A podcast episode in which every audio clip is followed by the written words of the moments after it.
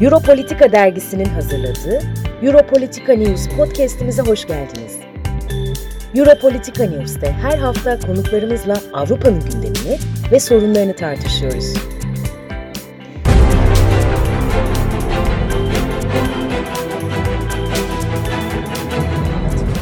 Ee, herkese merhaba. Europolitika dergisinin katkılarıyla hazırlanan Europolitika News akademik webinar söyleşimizin bu bölümünde e, Avrupa'da aşırı sağ ve İslamofobi konusunu konuşacağız. E, İstanbul Bilgi Üniversitesi'nden Sayın Profesör Doktor Ayhan Kaya hocamızın e, değerli görüşlerini almaya çalışacağız. Hocam e, öncelikle teklifinizi kabul ettiğiniz için tekrardan çok teşekkür ederiz. E, dilerseniz ilk sorumuzla başlayalım.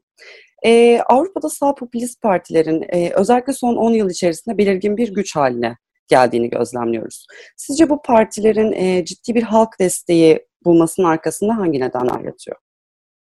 Tabii e, son yıllarda giderek önemli bir konu haline gelmeye başladığını biliyoruz e, sağ popülizmin. E, bunun en belirgin nedeni e, bu partilerin özellikle kullandıkları e, antisistemik e, retoriğin, antisistemik e, söylemin e, geniş kitleler tarafından benimseniyor olması. E, geniş kitleler tarafından derken özellikle Avrupa e, özelinde düşündüğümüz zaman e, büyük kentlerin dışında ücra yerlerde, e, küçük kentlerde, kırda, e, dağlık e, yerlerde e, eski bildiğimiz e, pastoral Avrupa'nın e, uzak e, yerlerinde yaşayan, e, siyasetin dışına itildiğini düşünen, sosyoekonomik anlamda e, güç kaybeden, e, sanayisizleşmeyle birlikte e, işsizlik e, sorunuyla karşı karşıya kalan e, ve özellikle de merkezdeki e, ana akım siyasetçiler tarafından, siyasal partiler tarafından unutulduğunu, dışlandığını e, düşünen kitleler tarafından e, cazip bir e, e, politik form olarak e, bu partilerin görüldüğünü e, biliyoruz. Dolayısıyla benim bu soruya yanıtım e, şöyle olacaktır.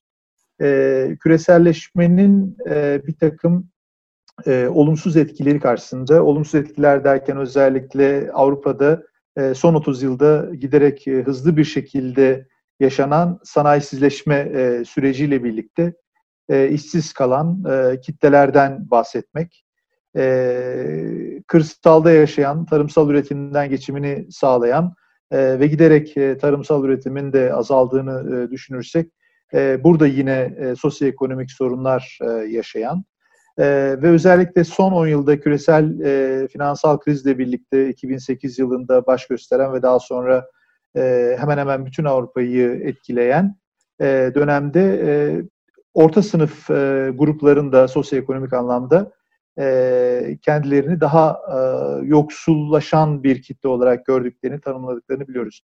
Dolayısıyla e, işçi sınıfı kökenli, bir taraftan e, tarımsal üretimden geçimini e, sağlayan ama e, giderek e, küreselleşme süreçlerinin kaybedeni olan e, ve son yıllarda da buna orta sınıf gruplarında eklendiğini ve yeni e, kaybedenlerin de eklendiğini e, düşünürsek sosyoekonomik anlamda bir yoksunlaşma yaşayan kitlelerin e, antisistemik e, tavırlar e, geliştirdiğini görebiliyoruz. Bu sosyoekonomik parametreye, sosyoekonomik değişkene bağlı olarak bir de yine küreselleşmenin başka bir olumsuz etkisini gözlemleyebiliyoruz. O da insanlar geçmişteki gündelik hayatlarını düşündükleri zaman, bugün ile kıyasladıkları zaman geçmişin daha iyi olduğu hissine e, kapılabiliyorlar. Ki biz bunun e, çok da e, maddi temelleri e, olmadığını biliyoruz. Çünkü e, dünyada e, varsıllığın giderek arttığını e, bir taraftan e, görürken, diğer taraftan da psikolojik olarak insanların e, geçmişe daha fazla özlemle e, baktıklarını e, bilebiliyoruz. Daha kontrol edebildikleri bir dünyanın olduğunu, e, kontrol edebildikleri bir çevrenin olduğunu ama küreselleşmeyle birlikte çok fazla şeye değişkene maruz kalan insan toplulukları olduğu için e, kendilerini koruyabilmek, psikolojik anlamda daha güçlü kılabilmek için e, geçmişin kendilerine sunduğu bir takım e, imkanlara e, sarıldıklarını görüyoruz ve daha da nostaljik olmaya başladıklarını görüyoruz. Burada da sosyoekonomik deprivasyon dediğimiz yani sosyoekonomik mağduriyetle birlikte e, bir de e, psikolojik bir mağduriyeti e, yaşayan insan gruplarının olduğunu görüyoruz. Bu iki mağduriyet biçimi bir araya gelince ve buna e, bu mağduriyetlere e, o ya da bu şekilde cevap veren bir popülist, sağ popülist yasal parti e, formasyonu da ortaya çıkınca ortaya e, giderek e, başarılı olduğunu gördüğümüz e, bir sağ popülist e, retoriğin hakim olmaya başladığını e, görüyoruz. Dolayısıyla benim yaklaşımım psikolojik bir takım unsurları içinde barındırıyor ama daha önemlisi sosyoekonomik anlamda güç yitiren e, küreselleşmenin kaybedenleri dediğimiz e, bir e, kitle e, bu şekilde antisistemik e, bir refleks sergileyebiliyor. Çok teşekkürler hocam. Peki bu e, aşırı sağ partilerin seçimlerde e, gösterdikleri başarı Avrupa Birliği'nin sizce bütünleşmesini bir sekteye uğratabilir mi? Ee, Avrupa Birliği diğer e, pek çok e, farklı proje gibi e, kendi içinde e, bir diyalektiği barındırıyor. E, nasıl ki 2000 e, yılı önce, yani nasıl ki 1974'te büyük bir e, ekonomik buhranla karşılaştı ve bu buhranın üzerinden üstesinden gelebilmek için e, daha da güçlü, daha da derin bir entegrasyon e, yaklaşımını e, benimsediyse, e, daha da kültürel kimliğe, Avrupalılık kimliğine, e, özellikle eğitime, e, Erasmus programlarına, Sokrates programlarına vurgu yaparak e, bu krizin üstesinden gelmeyi e, hedeflediyse ve bu yöntemle de daha güçlü bir Avrupalılık e, kimliği e, yaratabildiyse yine e, benzeri krizlerin üstesinden gelebilmek için e, bu diyalektik e, süreçte Avrupa Birliği kendi çözümünü, e, kendi çözüm yollarını e, mümkün olduğunca demokratik kanalları e, kullanarak e, yaratmaya çalışıyor. Dolayısıyla e, bu sorunuzun e, yanıtı e, evet mutlaka Avrupa e, Birliği ülkeleri, Avrupa Birliği'nin e, kendisi siyasal ve ekonomik bir yapılanma e, olarak e, bu sorunların üstesinden gelmeyi de e, becerecektir. Şu anda görebildiğimiz kadarıyla popülist akıl, e, popülist çağ varlığını devam ettiriyor. Çünkü Avrupa Birliği maalesef yaşanmakta olan bu yapısal problemleri çözüm niteliğinde çok da fazla başarılı bir takım yöntemler geliştirebilmiş değil. E, yine bu geçtiğimiz yıllarda görüldü ki UKIP örneğinde olduğu gibi e, başka e, Le Pen örneğinde olduğu gibi ya da Hollanda'da Wilders örneğinde olduğu gibi e, hatta e, Yunanistan'da e, Altın Şafak örneğinde olduğu gibi bu tür e, sağ popülist partilerin e, Avrupa Birliği'nden aldıkları e, fonlarla Avrupa Parlamentosu'nda Avrupa karşıtı bir e, retoriği e, benimsediklerini ve bunu e, yaygınlaştırmaya çalıştıklarını e, görebiliyoruz. Ve hatta bu öyle bir noktaya geldi ki sadece bu tür e, sağ popülist partiler değil aynı zamanda özellikle Doğu Avrupa ülkelerindeki e, merkezdeki sağ partiler de adeta e, Doğu Avrupa'yı içine alan bir e, Doğu Avrupa entegrasyon projesi e, geliştirme yönünde bir takım e, projeler e, öne sürmeye başladılar. Dolayısıyla e, Truva atı sendromu diyebiliriz buna. Avrupa'yı içeriden çökertmeye çalışan, Avrupa Birliği'ni içeriden çökertmeye çalışan bir takım siyasal yapılanmaların olduğunu e, biliyoruz. Avrupa Birliği de bu tür e, partilere e, fon desteğini azaltmayı e, seçerek veya bu tür ülkeleri, e, bu tür ülkelerdeki e, siyasetin yapılma biçimini e, bir şekilde etkilemeye çalışarak e, kendince e, çözüm üretmeye çalışıyor. Ama tabii ki Avrupa Birliği içerisinde e, bu tür e, siyasetlerin geliştirilmesi çok da kolay olmuyor. Çünkü e, istişare yöntemlerinin, demokratik yöntemlerinin e, kullanılması ve bu yöntemlerden ödün verilmemesi e, gerekiyor. E, dolayısıyla e, bu tür yöntemlerin hayata geçmesi için biraz daha zamana ihtiyaç e, var gibi görünmekte. Öte taraftan da işte hayat bazen bize bir takım şeyleri dayatabiliyor. Pandemi sürecinde hepimiz bunu yaşadık ve sağ partilerin, sağ popülist partilerin özellikle bazı ülkelerde giderek taban yitirdiğini gözlemledik. bunun en önemli nedeni de o ülkelerdeki Almanya örneği buna iyi bir örnek olabilir. Merkel'in uyguladığı başarılı kriz yönetim biçimi. dolayısıyla zaman zaman değişen bağlam bu tür tartışmaları da farklı bir boyuta taşıyabiliyor. dolayısıyla toparlamak gerekirse bu soruya yanıtım Avrupa Birliği içindeki bu tür sağ popülist partiler bir taraftan ana akım partilerin başarı veya başarısızlığıyla bağlantılı olarak güçlerini artırabilir veya azaltabilir. Ama öbür taraftan da yine bir takım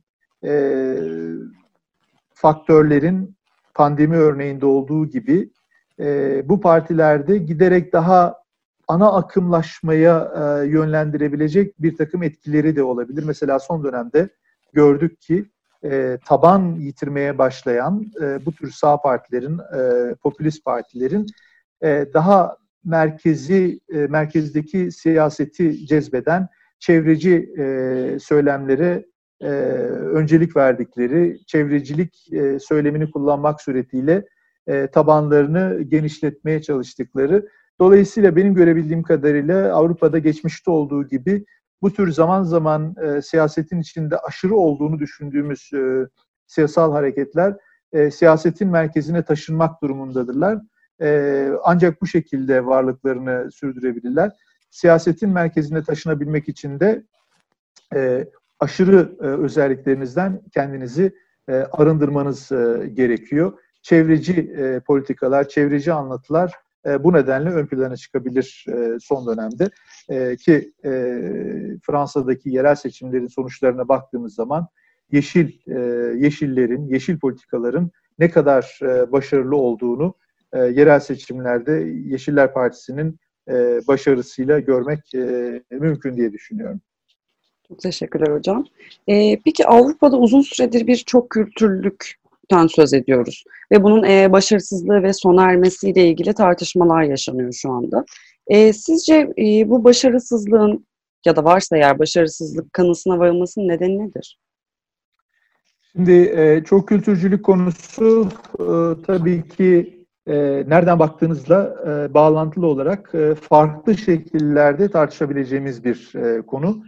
E, eğer e, sol bir gelenekten geliyor iseniz e, çok kültürcülüğe karşı e, çok net eleştirileriniz olabilir. E, ben öyle bir gelenekten geliyorum ve benim yaptığım çalışmalarda e, çok kültürcülüğün aslında e, azınlıkla kültürün azınlıklara ait olduğunu e, ve azınlıkların kültüreli söyleme hapsedilmek e, durumunda olduklarını ancak oradan kendilerini e, tanımlayabilme imkanı olduğunu e, anlatan bir e, söylem, bir strateji, bir yönetsellik biçimi e, çoğunluklar düşünüldüğünde çoğunlukların kültürelist söyleme ihtiyaçları yok. Çünkü çoğunlukların e, siyaset elinde, maddi imkanlar elinde. Dolayısıyla sol gelenekten geldiğiniz zaman e, iktidar ile kültür arasında ters bir orantı olduğunu görüyorsunuz. İktidarınız var ise politik anlamda, maddi anlamda gücünüz var ise e, kültürel söylemi kullanma ihtiyacınız yok ama iktidarda değilseniz, siyasete giremiyorsanız, e, siyasal katılım kanallarını meşru katılım kanallarını kullanamıyorsanız, e, göçmenseniz, e, Avrupa'da Müslümansanız, azınlıktaysanız o zaman e, sistem, neoliberal e, devlet sistemi size diyor ki e, ben sana kültürel alanda, dinsel alanda bir yer açıyorum ve oradan kendini e, ifade edebilirsin. Dolayısıyla kültürelist e, söylem ma, e, multikültürelizmin içinde, e, çok kültürcülüğün içinde kendini bu şekilde e, var edebiliyor. Sağdan yaklaştığınız zaman ise bu defa milliyetçi bir tavırla e, çok kültürcülüğü eleştiriyorsunuz. E, Amerika Birleşik Devletleri'nde olduğu gibi e, bir takım insanlar e, diyebiliyor ki e, Amerikalılık dediğimiz şey kayboluyor. E, bir takım azınlıklar, e, Hispanikler veya siyahlar kendi kültürlerini daha e, sert bir şekilde, daha güçlü bir şekilde ifade ediyor ve Amerikalılık dediğimiz şeyin ortadan kalkmasına neden olabiliyor. Almanya'da, Berlin'de bu e, öyle değerlendirilebilir. İngiltere'de yine benzeri şekilde değerlendirilebilir. Dolayısıyla sağdan baktığınız zaman milliyetçi e, bir refleksle çok kültürcülüğü reddedebiliyorsunuz. Bu iki yaklaşım tabii birbirinden çok farklı yaklaşımlar. E, sağ popülizm yaklaşımı, sağ popülizm anlatısı özellikle ikinci yaklaşım dediğimiz yaklaşımı benimsiyor. Milliyetçi bir refleksle kendinden farklı olanı kabul etmiyor. Artık onu da tolere etmek istemiyor. Çünkü şöyle düşünüyor. İşte Avrupa Birliği bize bugüne kadar farklılıkla birlikte yaşamak e, zorunda olduğumuzu öğretti. E, Brüksel'dekiler e, elitist insanlar bize nasıl yaşayacağımız konusunda emrivaki davranıyorlar. Halbuki bizim kültürlerle bir sorunumuz yok diye düşünüyor AFD seçmeni ya da Löpen'in seçmeni veya Wilders'in e, seçmeni. E, biz zaten e, varoluş itibariyle Hollanda'da veya Almanya'da veya Belçika'da veya başka yerlerde çok kültürlü toplumlarız ama e, ayrıca çok kültürlü olmak, ayrıca süper çok kültürlü olmak için bizim çok da fazla Müslümanlara ihtiyacımız yok. Bu söylem egemen hale e, geliyor ve bu söylemin egemen hale gelmesinde de özellikle İslamofobiyayı kullanan e, sağ popülist partilerin rolü e, son derece e, fazla. E, hocam ben de tam bununla ilgili bir şey sormak istiyordum aslında. E, sizin de çalışmalarınızda işaret ettiğiniz gibi Batı'da İslamofobik söylemlerin arttığını gözlemliyoruz artık. Sizce peki bunun arkasında gerçekten İslami bir tehdit yatıyor mu yoksa yalnızca sağ popülist partilerin argümanı olarak mı çıkıyor?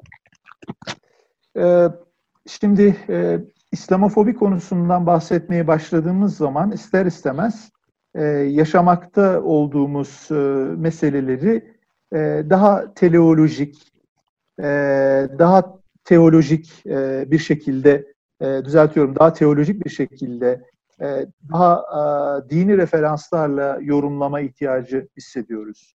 E, genellikle Türkiye'den bakıldığı zaman e, Avrupa'da yaşanan e, İslamofobi e, konusu tartışılırken e, insanlar e, çoğunlukla e, ortadaki durumu İslamofobi olarak e, niteliyorlar. Doğrudur, İslamofobidir. E, ama bu İslamofobiye neden olan, İslamofobiyi yaygınlaştıran e, kitlelerin de haliyle e, farklı bir dinden geldikleri varsayımıyla hareket ediyorlar. Yani e, İslamofobi Hristiyanlar tarafından, e, Yahudiler tarafından giderek e, güçlü bir şekilde hayata e, geçirilen e, bir e, anlatı olarak karşımıza sunuluyor. Hatta bir takım yorumlarda yapılmıyor değil Türkiye'de veya başka Müslüman ülkelerde ki bu yorumları da yapanlar genellikle siyasal elitlerdir. O yorumda şu şekilde bir yorumdur. Dünyadaki bütün çatışmalar, gerilimler hilal ile haç arasına sıkıştırılmıştır, sıkışmıştır. Bu yaklaşım e, doğru değil. Bu yaklaşım e, gerçekliği tamamıyla e, yansıtıyor e, diyemeyiz. Çünkü e, bugün bizim Avrupa'da pek çok ülkede yaptığımız araştırmalarda, alan araştırmalarında e, görüyoruz ki İslamofobi aslında e, Hristiyanlığı pratik eden, e, inanmış insanlar arasında yaygın değil. İslamofobi daha çok e, sekülerler, agnostikler, ateistler e, arasında e, yaygındır. E, İslamofobi Müslümanların yaşamadığı yerlerde yaygındır. Müslümanlarla etkileşime girilmeyen, girilemeyecek olan yerlerde yaygındır. Dresden örneği, Pegida'nın özellikle gündeme geldiği Almanya'nın doğusunda bulunan Dresden kentinde, Saksonya eyaletindeki İslamofobiye baktığımız zaman bu insanlar büyük ölçüde eski komünist gelenekten e, gelen ve aslında büyük ölçüde ateist olan, e, dinle sorunları olan e, gruplar. Dolayısıyla orada yaşanan şey doğrudan İslam'a karşıtlık olarak değil de aslında din ile olan bir meseleleri var. Bu din ile olan meseleleri nedeniyle bu insanların çok önemli bir, kısmının zaten kendilerini Hristiyan olarak tanımlamadıklarını veya protestan olarak görmediklerini, e, ateist olduklarını görüyoruz. Bu bize şunu anlatıyor aslında.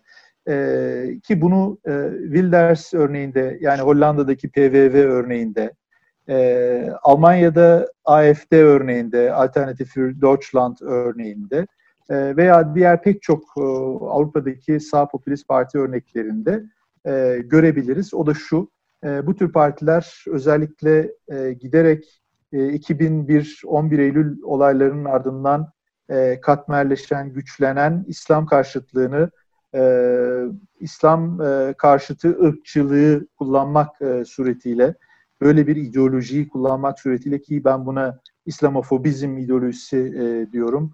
19. yüzyılın sonlarındaki Avrupa'daki antisemitizme benziyor. Ama altını çiziyorum 19. yüzyılın sonlarındaki antisemitizme e, benzetiyorum. E, dolayısıyla bu ideolojiyi kullanmak e, suretiyle e, Batı'nın İslami e, düşünce tarafından tehdit edildiğini, batılı yaşam tarzının, Avrupa'yı yaşam tarzının, seküler yaşam tarzının e, İslam tarafından tehdit edildiği şeklinde bir e, algıyı özellikle üretmeye, kurmaya çalışıyorlar. Bunu yaparken de e, çok da fazla uğraşmalarına gerek yok. Çünkü medyada e, İslam denildiğinde e, işte kara çarşafların, IŞİD e, militanlarının, e, baş kesen insanların, e, kadın e, taşlayan insanların olduğu e, resimleri, görüntüleri e, kullanmaları yeterli olabiliyor. Dolayısıyla dünyanın farklı yerlerinde yaşanan e, bu tür e, imajların Batı'da son derece egemen hale geldiğini e, bilebiliyoruz. E, aynı zamanda özellikle IŞİD'in saldırılarıyla birlikte Türkiye'de bundan çok fazla olumsuz olarak etkilendi. IŞİD'in saldırılarıyla hayatlarını yitiren çok fazla insanın olduğunu e, biliyoruz. Dolayısıyla bütün bu olup biteni İslam'la bağdaştırıp e, kamuoyuna bu şekilde sundukları zaman rahatlıkla e, sadece işçi sınıfı, yoksul insanlardan oyları almıyorlar. Aynı zamanda kadınlardan, LGBTI gruplarından ve hatta e, Semitik bir takım gruplardan, e, Yahudi bir takım gruplardan rahatlıkla artık oy alabilir hale e, geliyorlar. Dolayısıyla ben e, buradaki önermeyi tersine çevirmek istiyorum. Yani olup bitenler haç ve ilerler arasında sıkışmış değil. E, buradan çıkıp e, aslında e, sosyoekonomik ve politik e, ve psikolojik bir takım faktörlerle olup biteni açıklamanın daha doğru olduğu e, kanaatindeyim.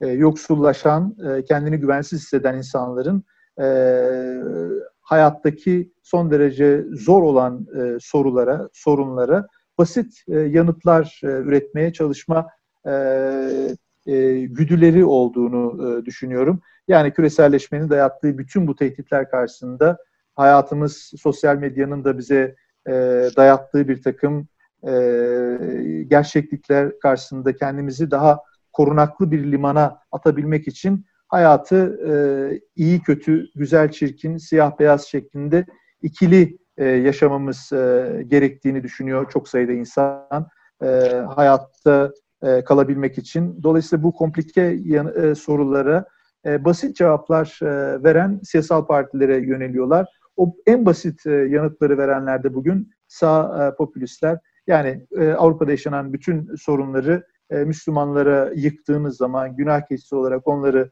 gösterdiğiniz zaman rahatlıkla buradan e, oy oranınızı artırarak e, çıkabiliyorsunuz. Yani ben sosyoekonomik, politik ve psikolojik olan faktörlerin e, çok belirleyici olduğunu düşünüyorum. Bu sadece İslamofobiya bağlamında değil, Türkiye'yi düşündüğümüz zaman giderek artan Arap karşıtlığının, e, mülteci karşıtlığının olduğunu. Çünkü bu tür gruplar savunmasız gruplardır ve savunmasız gruplarda kolay bir şekilde e, günah keçisi olarak sunulabilirler. Sizin önünüze atılabilirler.